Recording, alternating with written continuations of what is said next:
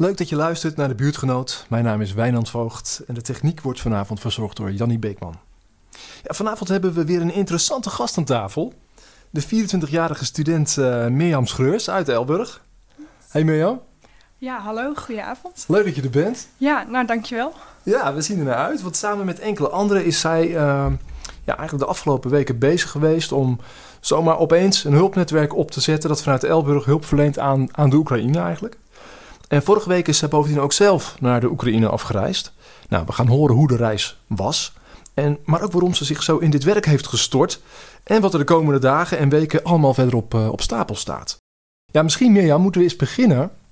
Om even voordat we echt aan dat gesprek beginnen, een soort situatieschetsje te doen. Van wat gebeurt er nu allemaal waar jij bij betrokken bent, zeg maar, vanuit de Elburg en de Oekraïne? Zou je dat eens in een paar zinnen kunnen samenvatten? Van dit is de kern van wat we nu aan het doen zijn. Ja, zeker. Ja. Um, nou ja, er is op dit moment echt heel erg veel eigenlijk gaande in uh, Elburg voor Oekraïne. Uh, we zijn op heel veel verschillende fronten uh, bezig.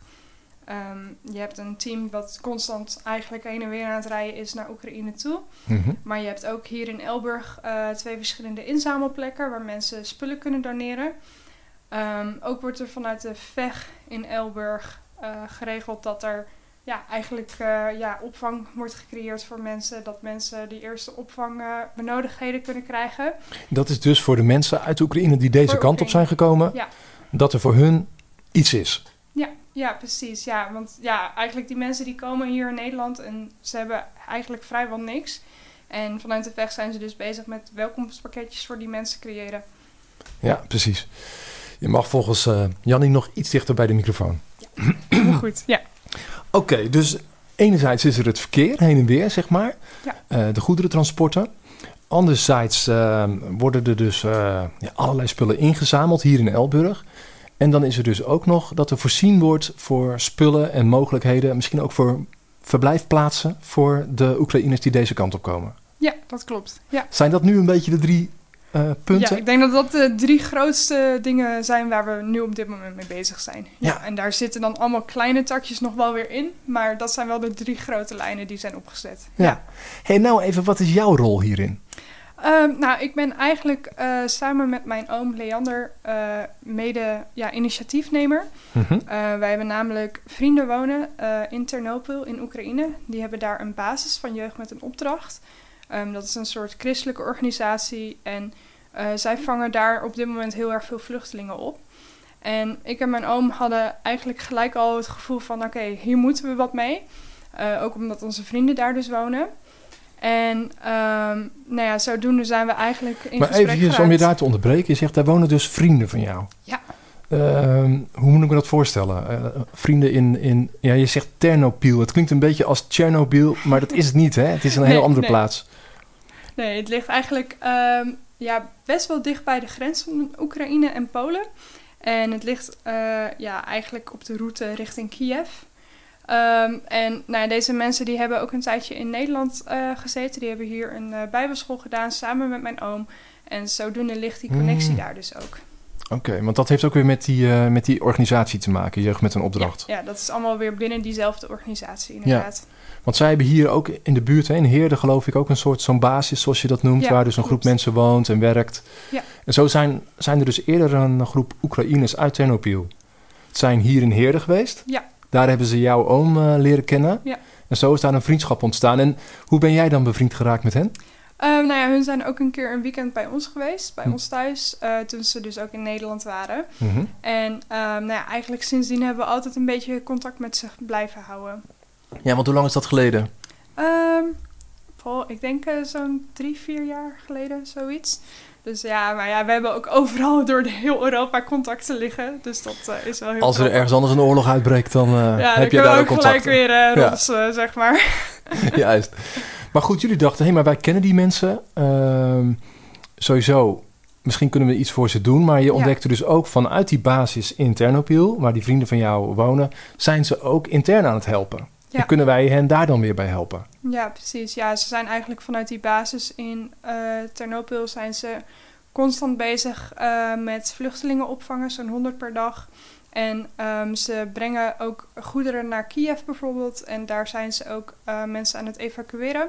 Dat proberen ze twee keer per week te doen. Ehm, dus ja, toen hadden we echt zoiets van, eh, ja, daar moeten we gewoon ook op een of andere manier ons steentje bij gaan bijdragen.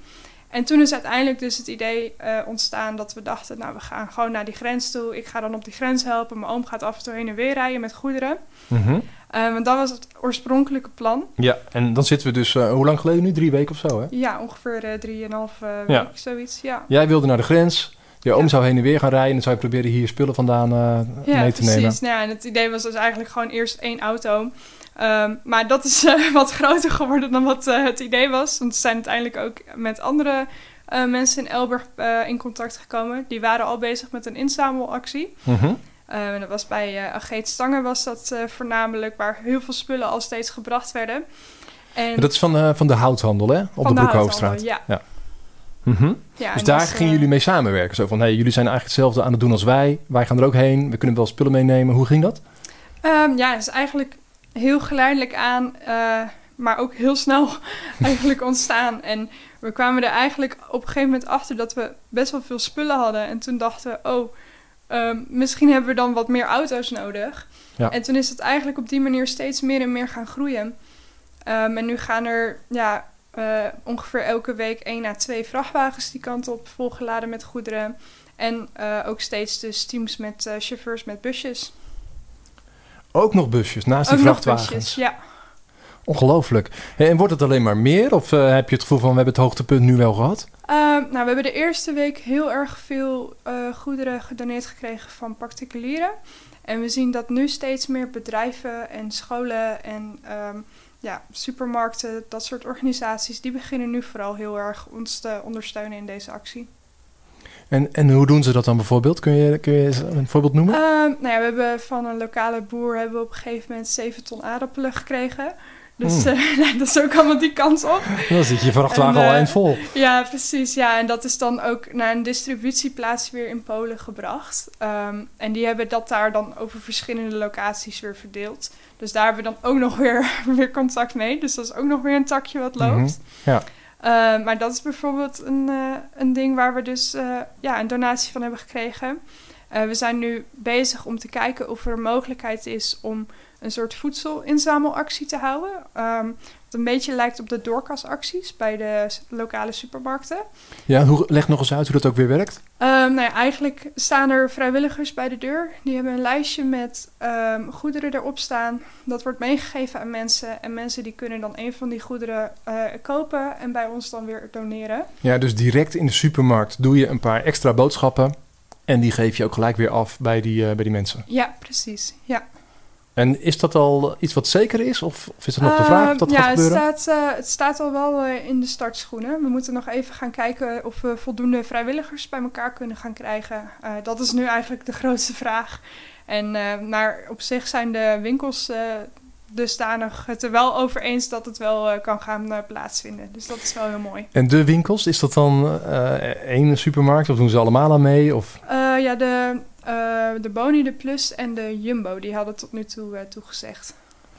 En is dat dan puur in Elburg of ook nog daaromheen? Eh, ja, we doen het eerst in Elburg, omdat we ja, wel zeker willen weten dat we genoeg mensen Ja. hebben om het ook te kunnen handelen. Ja, Dat is natuurlijk ook nog weer een beetje de andere kant. Van ja, als je ook het op het harde doet, is het heel groot. ja. We komen daar nog wel even op terug, maar nu we het toch echt over dit onderwerpje even hebben. Je zegt, daar hebben we dus ook echt mensen voor nodig. En ik hoor je ook een beetje zeggen van, ja, afhankelijk van hoeveel vrijwilligers zich dan melden, dat bepaalt ook een beetje hoe groot we die actie kunnen maken. Ja, dat is zeker zo. En wat moet je daarvoor kunnen? En, en, en hoe werkt het om, eh, om je kenbaar te maken bij jullie?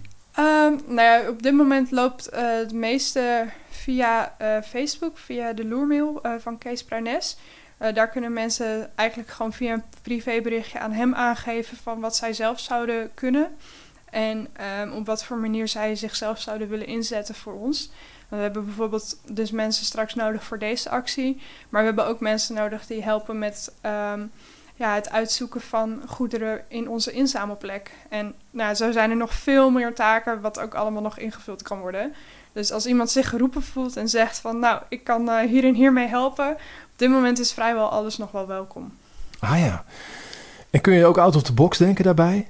Dat je, Ehm. dat je denkt van, eh, ik kan een website maken, ik ga die mensen helpen om eh, het nog, nog beter te laten zien of dat soort dingen. Eh ja, zeker. Ja, ja, ik heb eh, daarin zoiets van als je een bepaalde talent hebt, eh, stuur het vooral even door. Eh, want dan gaan we er gewoon mee aan de slag en dan gaan we gewoon kijken of dat eh, binnen onze organisatie eh, een plek kan hebben. Maar is het dan zo dat Kees Bruines van de Loermeeuw, dat, dat die een soort centrale rol heeft in het zien wat er allemaal aan aanbod komt? Ja, ja, naar mijn idee is dat inderdaad nu een beetje het idee waar we voor gaan. Omdat hij ook heel veel berichtjes natuurlijk binnenkrijgt. En hij post elke keer alles op social media. Ja. hij heeft veel bereik. Hij heeft veel bereikt, dus eh, om het zo centraal mogelijk te houden, inderdaad, eh, laten we het nu vooral even via hem lopen. En het kan zijn dat hij dan vervolgens weer eh, contactgegevens aan mij of aan iemand anders van de organisatie doorgeeft.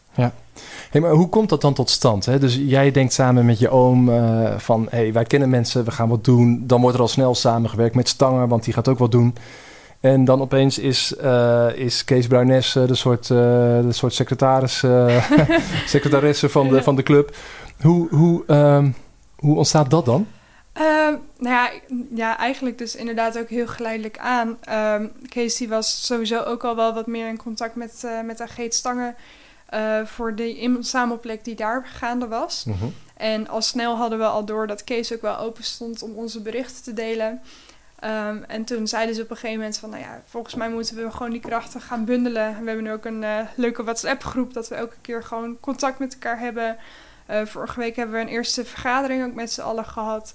Dus dat eh, is wel heel tof om te zien hoe dat eigenlijk heel langzaamaan steeds meer vorm krijgt en steeds meer, ja, eigenlijk eh, benen krijgt om op te staan. Het wordt een organisatie dit. Ja, ja het wordt echt eh, een heel serieus eh, dingetje. Kun jij inschatten hoeveel mensen hier nu bij betrokken zijn vanuit Elburg? Voor- nou, ik zou dat eigenlijk niet durven zeggen meer. Nee. Nee, want het- er zijn op zoveel verschillende plekken mensen bezig. Dat is echt moeilijk in te schatten. Maar als in tientallen of misschien wel honderd? Of... Ehm, nou, ik denk, denk inderdaad wel rond de tientallen. Dat, ja, vooral, het is Lastig- moeilijk. lastig ja, je hebt, eh, we hebben wel eens eh 14, 15 man tegelijkertijd in de loods gehad. Ehm, en als je dan ziet dat per dag ongeveer vier, vijf mensen daar ook komen helpen, ja, dan loopt dat getal wel langzaamaan op. Ja. Ja, nou, wat er allemaal gebeurt in die loods, eh, hoe u daar thuis misschien ook een, eh, een bijdrage in kunt, eh, in kunt spelen, maar ook wel nog iets meer over eh, Mirjam zelf. Want we worden toch wel nieuwsgierig, wat is dat nou voor een dame die daar zomaar in één keer instapt en denkt, dit gaan we doen. Eh, maar horen we straks, want we gaan eerst nog even weer naar, eh, naar muziek. Eerst eens even iets meer over jou. Want jij bent, jij bent echt een Elburgse. Ja, ja, ik, eh, ja, ik woon eigenlijk al mijn hele leven in Elburg. Dus ja, echt een, eh, echt een eh, Elburger inderdaad. Ja. Want jij vertelde net, dacht ik eventjes, dat jouw opa en oma hier zelfs nog een, eh, een drogisterij hebben gehad. ja, klopt. Ja, in de binnenstad hadden ze een eh drogisterij. En eh, nou ja, daar hebben ze eigenlijk heel lang samen mee gewerkt. En mijn vader die heeft er ook nog moeten werken. En ja, op een gegeven moment is dat dus verkocht. Maar ja, Ah, het ja. zit al jaren hier. de familie zit er al jaren. Ja. Ja, precies. Welke tijd hebben we het dan over met die drogisterij? Nou ja, ik ben nu 24, mijn vader is 48. En toen mijn vader ongeveer mijn leeftijd was, was het eh, verkocht. Dus dat is Ja, al wel, eh, ja, net, ook voor, wel een eh, tijd net geleden. voor jaar 2000 ergens. Ja, zoiets, Ja. ja. Oké. Maar jij bent iets heel anders gaan doen. Want je bent in Elburg opgegroeid. Maar je bent, vertelde je net, aan het CIBAB gaan studeren. Ja, klopt. Dat heb je inmiddels afgerond. Ja, ja ik heb inderdaad vier jaar voor decoratieschilder gestudeerd. En dat heb ik in 2020 heb ik dat afgerond. Oké. Ben je decoratieschilder geworden? Nee, want je bent verder gaan studeren. Nee, dat klopt. Nee, ik ben eh, nu door gaan studeren voor docent Engels aan het Windesheim. Eh, dus ja, dat is ook echt super superleuk. Wel compleet wat anders, maar eh, Nou. ja, het is wel heel leuk. Ja, want jij was klaar en je dacht, eh, dat decoratieschilderen is misschien toch niet voor mij. Nee, precies. Nee, nee ik dacht meer van, nou ja, dit is toch wat leuker als gewoon een hobby. Maar om er echt mijn beroep van te maken, dat Mm. zag ik niet zo zitten. Dus toen dacht ik, nou, dan ga ik gewoon even compleet wat anders. En eh, ja, zodoende uiteindelijk dus eh, voor docent Engels gekozen. In het kader van het interview wat we, nu, wat we nu hebben, zag ik dus ook een filmpje uit de Oekraïne voorbij komen. Met jou daarin. Daar gaan we straks ook veel meer over horen. Want je bent er dus geweest vorige week. Daarin hoor je jou Engels praten. En eh, dat klinkt dan heel erg goed. Ja, dat Is dat dankzij de opleiding of kon je gewoon goed Engels, waardoor je dacht, ik ga die opleiding doen? Nou, het was vooral, ik wist dat ik heel graag docent wilde worden en ik kan toevallig goed Engels. Dus toen dacht ik, nou, dat komt mooi samen. Dus daarom eh, is het docent Engels geworden. Ja. Hey, en wat maakt dat je docent wil worden? Uh, nou ja, ik werk gewoon heel graag met mensen. Ik ehm, merk dat ik echt eh, iemand ben die graag jongeren wat mee wil geven. En um, ik geloof dat als docent zijnde je zo centraal in het leven staat van ja, tieners eigenlijk. Um, en dat je zo'n grote impact kan hebben op ze. En dat vind ik gewoon belangrijk om een positieve impact te maken op mensen die eigenlijk zo in hun ontwikkeling zitten. Ja, en dat is natuurlijk eigenlijk ook precies wat je dus nu aan het doen bent. Ja, ja klopt. Ja. Maar had jij van jezelf gedacht van... Uh, ik sta opeens eventjes een beetje aan de basis van zo'n uh, heel stukje organisatie. Uh, verrast, verras je jezelf op dit moment of eigenlijk niet zo? Um, ja, aan de ene kant zeg maar verbaast het me wel, maar aan de andere kant ook wel weer niet. Ik ben best wel vaak ook bezig al met uh, vrijwilligerswerk. Um, ik ben ook bestuurslid van een andere stichting die allemaal dingen doet in Ghana. Um, dus nou ja, ik doe echt heel veel eigenlijk al. Dus het is ook enigszins ook niet heel erg verrassend dat ik uh, hier weer instuit. Ja. Dus ja, dat, uh, nee, mijn ouder staat ook al van, nou, hier ga je sowieso wat mee doen. Dus dat is wel heel grappig, ja. Ja, dat zou maar zo eens kunnen. Hey, en jij bent in Elburg opgegroeid. Uh, hoe, hoe, uh, hoe beleef jij Elburg? Of hoe heb je dat beleefd als, uh, ja, in de afgelopen 24 jaar? Ja, nou ja, um, Elburg voelt voor mij wel altijd als thuiskomen. Ik eh, merk dat ik gewoon, ja, me hier gewoon heel erg, ja, als een vis in het water eigenlijk als het ware voel. En um, ja, ik, ik vind het gewoon echt heel, heel gezellig om gewoon in zo'n klein stadje eigenlijk te wonen. Dat je toch merkt van, ja, iedereen kent elkaar toch een beetje. En er is een soort ja, gezellige sfeer en dat vind ik heel fijn. Ah ja. ja. Dus, dus jij gaat Elburg uh, nooit verlaten? Ja, dat durf ik niet te zeggen. Maar nee, ja, voor nu zit ik hier wel lekker. En uh, ja, wat de toekomst brengt, dat uh, durf ik allemaal niet te zeggen. Want het kan ook maar zo zijn dat ik wel ergens anders beland. Maar dat, ja. Oh ja, dus het is dus niet zo dat je zo verknocht bent aan Elburg. Dat je zegt, ik ga hier nooit weg. Nee, ik wil af en toe wel eens een projectje in Ghana doen of misschien ergens anders over de grens. Ja, Nog eens precies. voor jeugd met een opdracht op pad. Ja. Nee, precies. Ja, zoiets inderdaad. Maar ja, ik weet wel van, nou ja, als ik uiteindelijk uh, 80 ben of zo, dan zou ik wel graag hier in een bejaardenhuisje komen te zitten. Oh, dus ik ja. gewoon een heel leven heb gehad. Even een stapje vooruitdenkend. ja, dat mag hier wel weer eindigen, zeg maar, op ja. een dag. Ja, ja precies. Oké, oké. Okay, okay. Nou, dan hebben we even iets meer beeld van, uh, van jou. Uh, je vertelde net dat er dus ook al uh, vanuit jullie ja, heeft het een naam eigenlijk, wat jullie nou aan het doen zijn? Um, ja, nou ja, we noemen het op dit moment Elburg helpt Oekraïne. Oh ja. Dus uh, ja, gewoon heel uh, straightforward eigenlijk. Ja, nee, maar dat helpt. Ook in dit interview, dan, uh, dan kan ik dat af en toe gewoon zo noemen. Ja, maar. Elburg helpt Oekraïne. Ja. Jullie komen zelfs al bij elkaar om te vergaderen en zo. Hoe groot is dat groepje? Wie zijn die mensen? Um, Oh, ik pak heel even het lijstje er gauw bij. Want oh ja, voordat ik iemand vergeet, want dan krijg ik straks misschien nog wel om een donder. dat moeten we ook niet hebben. dat zal vast wel meevallen. Ja, maar, dat denk ik ook. Um, is dat een groep van, van drie, vier mensen of zijn het er meer? Acht. Acht mensen. Oh, het ja. zijn acht mensen. Ja, precies. Ja, dus uh, ik, Geet Stange, Jan Wolfsen, uh, Jan Koenraad Deetman... Kees Pranes, uh, Leander Schreurs, Erik Schreurs en Anke Reurink.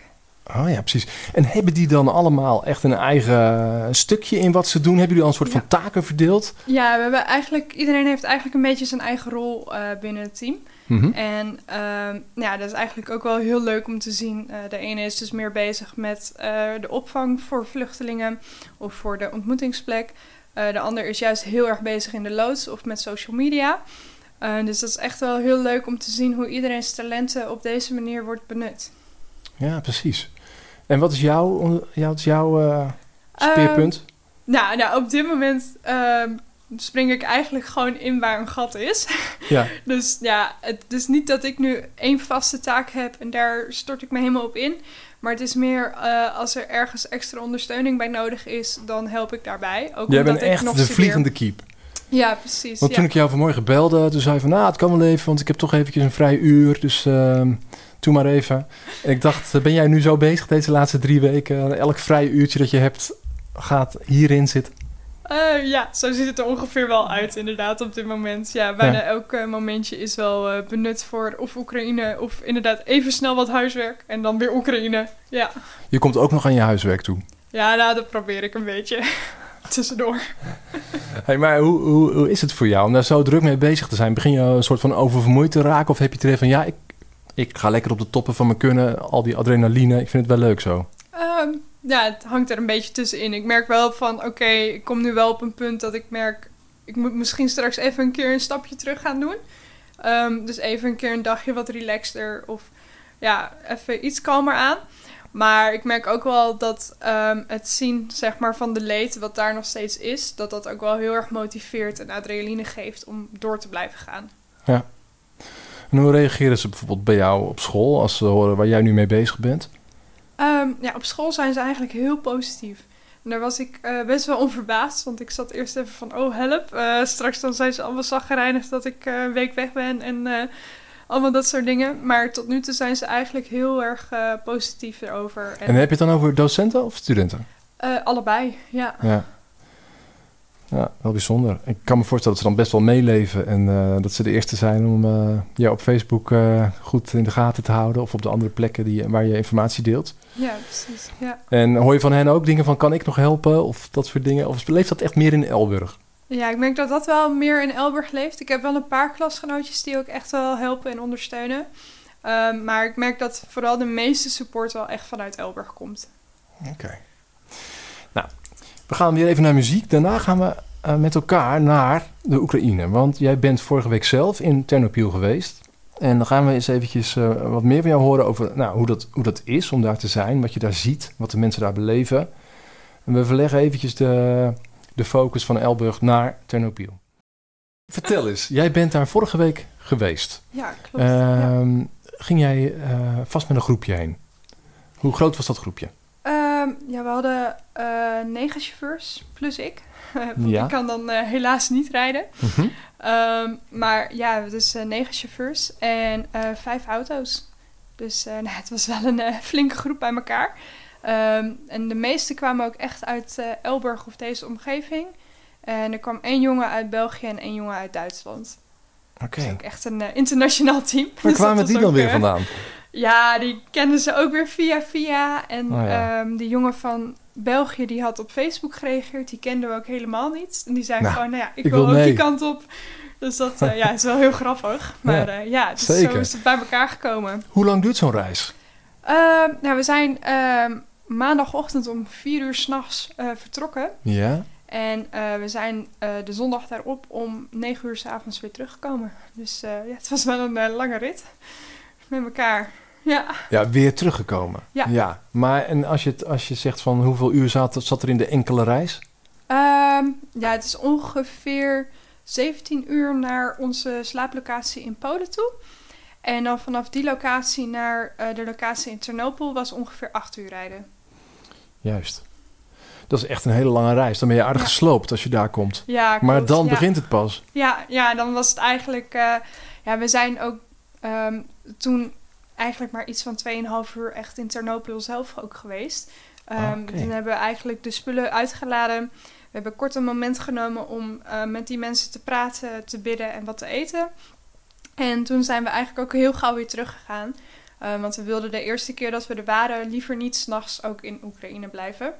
Uh, we zien nu dat het in Ternopil redelijk veilig is. Dus nu blijven de teams daar wel vaak slapen. Um, maar toen die eerste dag waren we het een beetje aan het uittesten van ja. oké, okay, wat is nu het veiligst om te doen? Dat snap ik, ja. ja.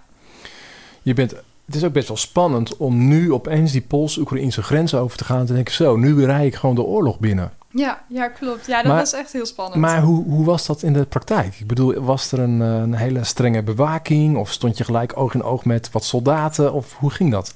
Um, ja, nou, ongeveer de, het duurde ongeveer anderhalf, twee uur om de grens over te komen. En eigenlijk voelde dat best wel als een normale grens. Je paspoort werd even ingenomen, mm-hmm. je kreeg je stempeltje, uh, allemaal dat soort dingen. Er waren wel wat meer militairen dan normaal. En uh, nou ja, je bent je wel er heel erg bewust van, van oké, okay, um, ik reis zo gewoon oorlogsgebied in. En ik rijd gewoon een gebied in waar eigenlijk alles kan en alles mag. En uh, waar geen enkel recht eigenlijk meer geldt. Dus mm-hmm. dat is wel, het gaat wel even door je hoofd heen. En het was ook echt wel even heel spannend. Um, maar ja, ik had zelf wel heel erg uh, vrede erover. Dus dat was wel heel mooi. Ja. Hey, en je rijdt, uh, je zegt uh, net Ternopil ligt redelijk dicht bij de Poolse grens, maar het is misschien toch nog wel eventjes een paar uur rijden voordat je er echt bent, eenmaal in de Oekraïne. Dus je gaat ook uren door het land rijden. Ja. En wat, wat zie je dan? Um, nou ja, we zagen langs de wegen vooral heel veel uh, van die zandzakken opgebouwd als blokkades. Um, en nou ja, eigenlijk bevolking wat dus met geweren rondliep, um, dat soort dingen zag je wel wat meer. Um, nou, op het deel waar wij uh, reden was gelukkig nog niet heel erg veel op dat moment te zien van de oorlog. Um, we hebben wel uh, berichten gekregen dat later op onze route dus wel verschillende uh, locaties zijn gebombardeerd. Zoals bijvoorbeeld ook de bombardementen toen in Lviv. Da daar zijn wij gewoon langs heen gereden toen op die maandag nog. Dus nou, dat is wel heel bizar.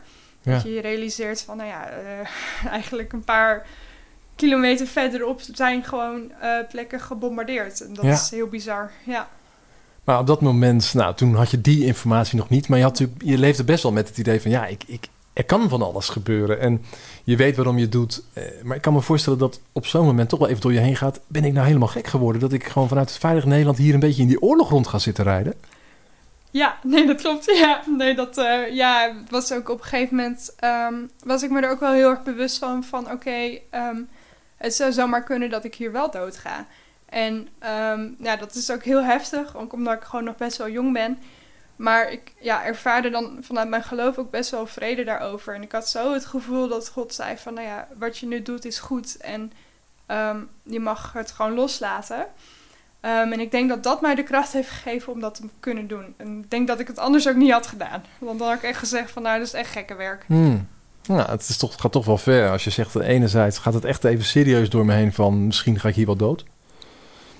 En nou, je legt ook uit hoe het komt. Maar vervolgens kom je ook op een punt dat je denkt, ik ga het toch doen. Ja.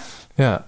hey, en ehm, dat maakte dus ook dat jullie bij die eerste reis... daar maar kort op de, op de eindbestemming in Ternopil wilden zijn. Je zegt, de uh, transporten die daarna zijn gegaan... Daar, dan zijn ze wel degelijk gewoon ook een nacht daar op locatie blijven slapen. Ja. Ehm, omdat het gewoon iets veiliger is gaan voelen in. Ja. ja. Want daar is nog nooit een bombardement geweest of iets van de oorlog echt zichtbaar geworden? Um, ja, er zijn wel in de omgeving wel eens wat bombardementen geweest. Um, maar ja, dat is zo dusdanig ver uit de stad dat het eigenlijk geen effect heeft op de locatie waar ze nu zitten. Uh, wel is er elke nacht um, van die luchtalarmen en dat soort dingen te horen. En um, ja, de gevechtsvoertuigen die rijden er wel af en toe langs. Dus ja, je krijgt wel enigszins wat mee. Maar het is nog wel uh, zo relatief veilig dat mensen ook gewoon um, nog over straat kunnen lopen. Dus ja, het is een beetje in balans. Is het, het, uh, het straatbeeld, zeg maar overdag, ziet er eigenlijk vrij normaal uit?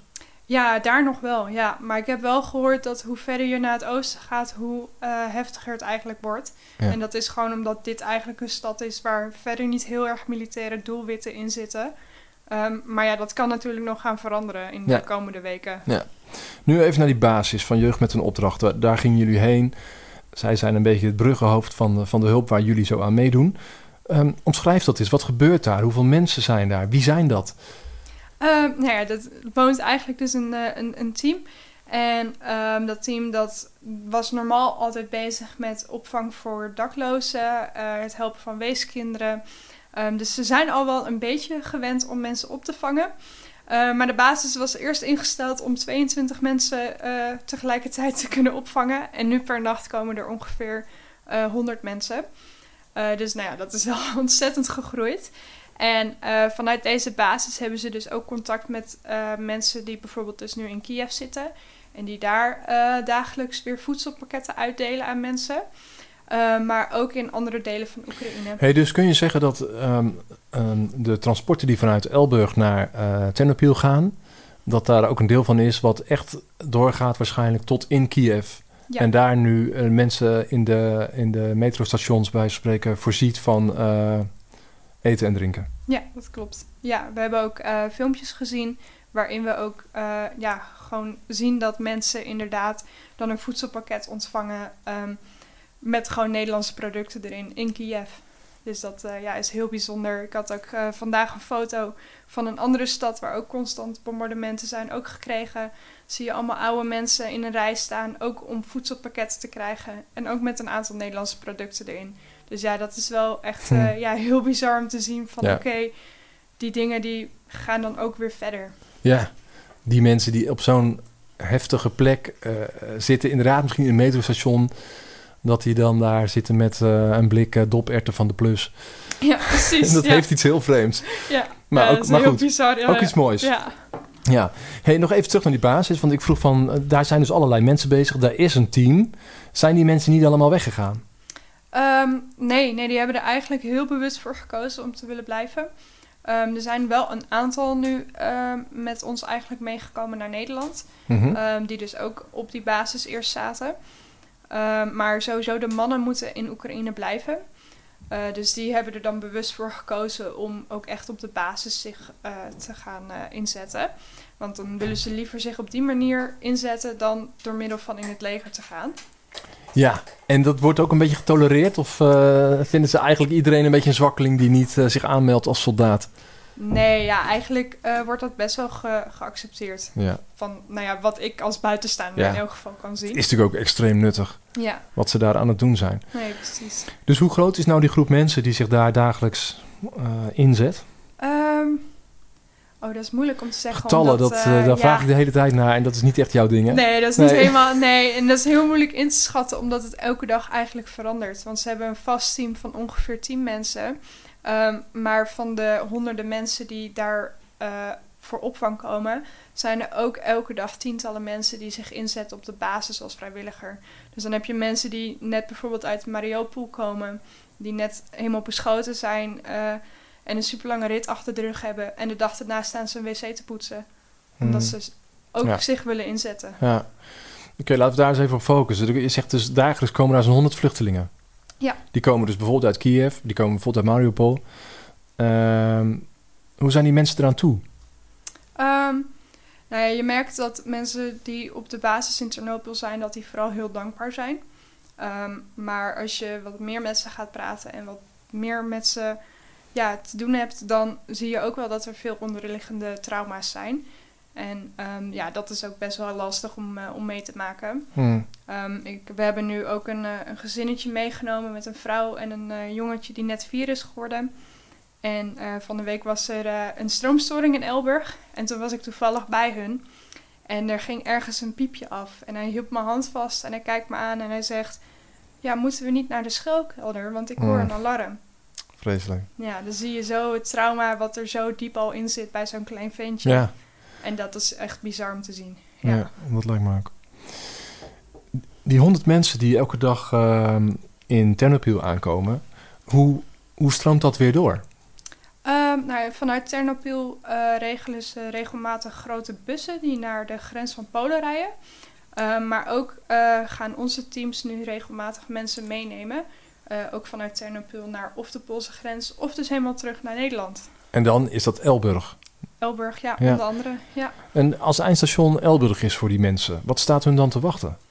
Ehm, nou, hier in Elburg zijn er verschillende organisaties eigenlijk die zich inzetten om mensen op te vangen.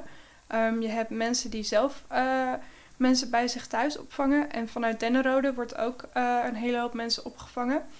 En vanuit de VEG in Elburg zijn ze nu heel erg bezig met opvangpakketjes maken. eh, zodat de mensen die hier komen ook gelijk een warm welkom hebben. Ja, want de VEG, de de meeste mensen zullen het weten, maar dat is een kerk hè, hier in, eh, in de stad. Ja, klopt. Ja.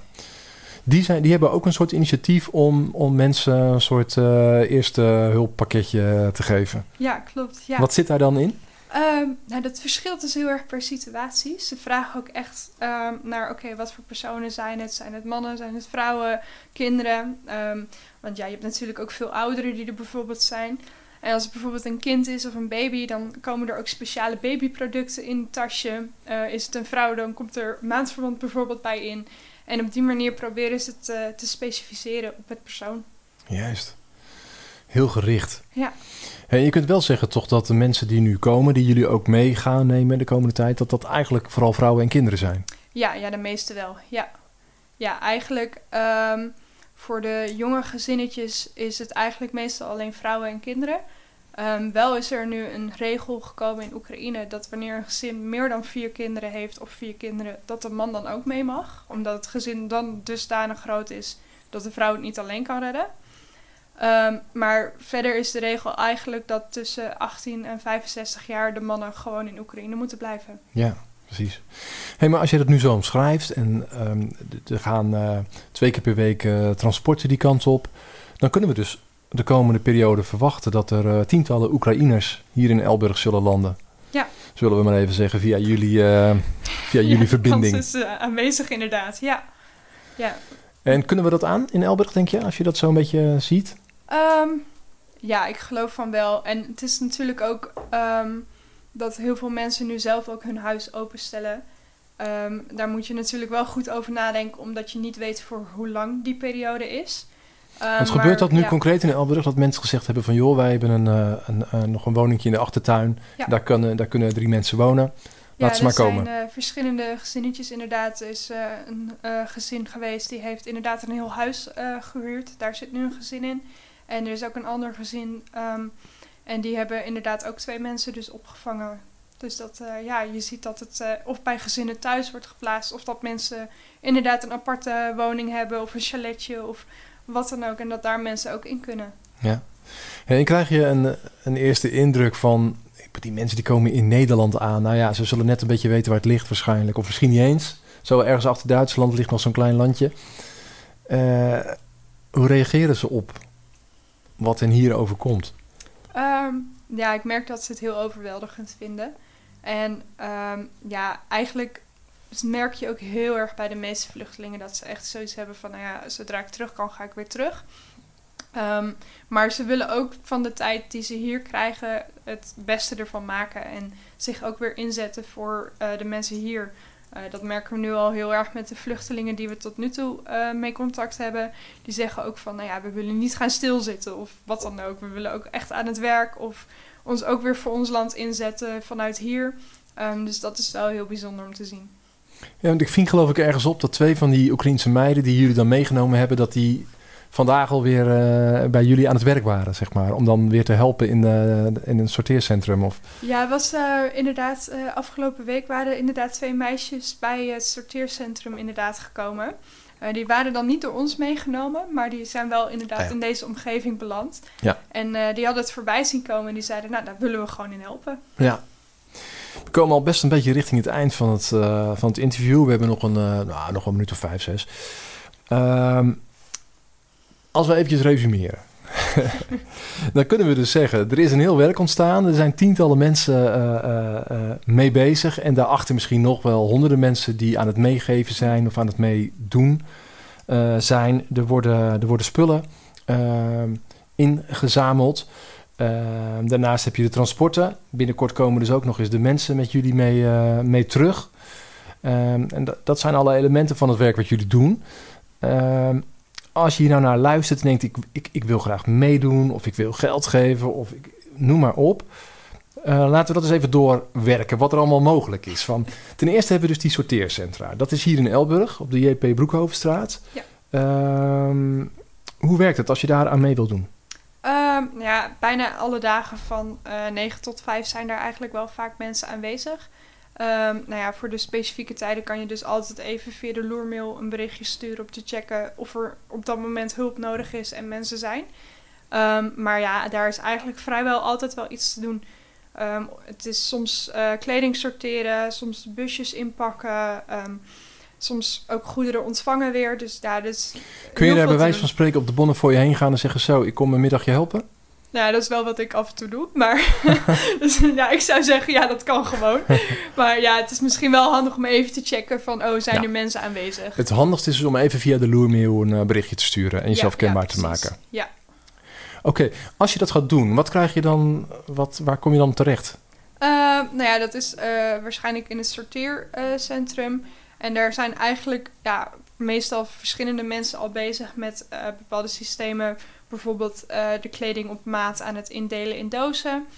Ehm, dus nou ja, zoiets kun je een beetje verwachten. Of eh, inderdaad luiers in dozen gaan verpakken. eh, Ja. Voedsel in dozen zetten. Dat het allemaal een beetje gesorteerd is. Zodat de mensen in Ternopil dat dan niet meer hoeven doen. Nee, precies. Dus precies wat het woord zegt, het is een sorteercentrum. Precies. De, de juiste spullen Ja. komen bij, bij elkaar te liggen, zodat het straks wat makkelijker wordt in het transport. Ja. Ja, nog veel logischer om in mee te doen is natuurlijk om te zorgen dat die spullen daar ook komen. Kun je die daar ook heen brengen of moet het naar een andere plek? Eh, ja, die kunnen naar de JP Broekhovenstraat 25 bij de Stangen Houthandel. Daar kunnen de spullen worden ingeleverd. Ehm, en nou ja, wederom bij de loermail kun je een eh, lijstje daar eigenlijk voor vinden wat we specifiek nodig hebben. Ja, noem, ligt er eens een paar uit waarvan je zegt, daar hebben we echt heel hoge nood aan? Eh, babyvoeding. Babyvoeding, dat is ja. een hele specifieke die heel hard nodig is. Uh, maar sowieso levensmiddelen over het algemeen. Um, ja, denk aan bijvoorbeeld spersiebonen in blik, um, macaroni, rijst. Eigenlijk ja. dat soort dingen, dat is echt het hardst nodig. En medicatie. En medicatie. En dan nog specifiek? Um, nou ja, pijnstillende medicatie, ja. koortsverlagende medicatie. en ja, heel veel verbandmiddelen. Ja, ja alle soorten verbandmiddelen dat soort eigenlijk. Ja. ja. Oké, okay, um, wat als jij zegt ik wil mee op zo'n transport? Uh, of misschien wel, ik heb een, uh, een, groot rijbewijs en ik wil me inzetten. Hoe, hoe gaat dat in zijn werk? Um, ja, eigenlijk zijn we daar per week naar aan het kijken van... oké, okay, kunnen we nu weer een, een, nieuw transport die kant op uh, sturen? En um, over het algemeen regelt mijn oom Leander Schreurs... die regelt dat het vaakst. Juist, dus, dus dat, dat, is uh, ook weer ja. via de loermail vind je, vind via je zijn de loermail kan je weer... zijn gegevens vinden en dan... Ja. Maar als jij een groot rijbewijs hebt, of eigenlijk een gewoon rijbewijs misschien ook... je zegt ik wil in een busje gaan rijden, of je hebt misschien een busje... of je hebt misschien een vrachtwagen ter beschikking, of een, ja. noem maar op. Met al dat soort dingen kun je bij jullie terecht. Ja, ja precies, ja. Dus eigenlijk is, valt er voor iedereen wel wat te doen, als ik het zo hoor. Ja, ja we proberen echt... Uh, juist zoveel mogelijk iedereen zijn talenten gewoon in te zetten. En ja, um, ja iedereen is eigenlijk wel welkom om te helpen. Ja. ja. Hey, en dan hebben we nog de mensen. Uh, we weten niet hoe lang ze hier gaan zijn, de Oekraïners. Nee. Uh, wat is daarin goed? Wat, wat heb je daarin nog nodig? Um, ja, ik denk uh, sowieso als er meer mensen zijn die hun huis willen openstellen, dat is heel fijn. Um, dat uh, ja, kan dan ook inderdaad even via een berichtje met de loermail uh, door worden gestuurd naar mijn vader. Die organiseert dat vooral heel veel. Ja. En um, ja, daar zijn we wel heel erg naar op zoek nog voor. Echt Gewoon adressen, echt. Gewoon echt adressen. Um, ja, we zien nu vooral ook dus wat grotere gezinnetjes. We zijn nu ook op dit moment ook heel concreet op zoek naar uh, twee plekken voor een groter gezin. Dus dat is wel uh, ja, een concrete actie waar we nu mee bezig zijn. Oké. Okay. Dus dat, uh, een grote ja. gezin is dan? Uh, vier, vijf man. Zoiets. Vier, vijf mensen. Ja. ja. Oké, okay, dat is ook genoemd. Ja. Hey, tot slot, ik kreeg ook nog mee dat er een, een soort gebedsbijeenkomst is in de Grote Kerk. Um, kun je daar nog wat over zeggen? Dat is morgen, geloof ik, hè? Ja, dat is inderdaad morgenavond. Tijd weet ik niet precies. Nee, maar dat, kun je dat vast is ook, ook weer, uh, op de loermail te ook vinden. Weer de loermail. Aan de loermail uh, opzoeken als je verder informatie zoekt. Nee, maar dat klopt. Ja, en en wat gaat daar de... gebeuren? Dan komen gewoon mensen bij elkaar om te bidden voor de Oekraïne. Ja, precies. Zijn er ook. Oekraïners? Um, oh, dat weet ik niet precies eigenlijk. Nee, okay, we zijn nou, wel mee we. bezig, maar zoeken we nog even even de vraag. Maar dat uh, komt goed. We zijn helemaal aan het eind gekomen. Mirjam, heel hartelijk bedankt voor um, jouw tijd en jouw verhaal. Ik hoop dat er ook wat ruimte is uh, voor jou binnenkort om uh, wat op adem te komen. En uh, ja, mooi dat je hier zo in bent gestapt. Ja, en voor alle luisteraars, eigenlijk horen we dus dat iedereen zo'n beetje wel, wel mee kan doen.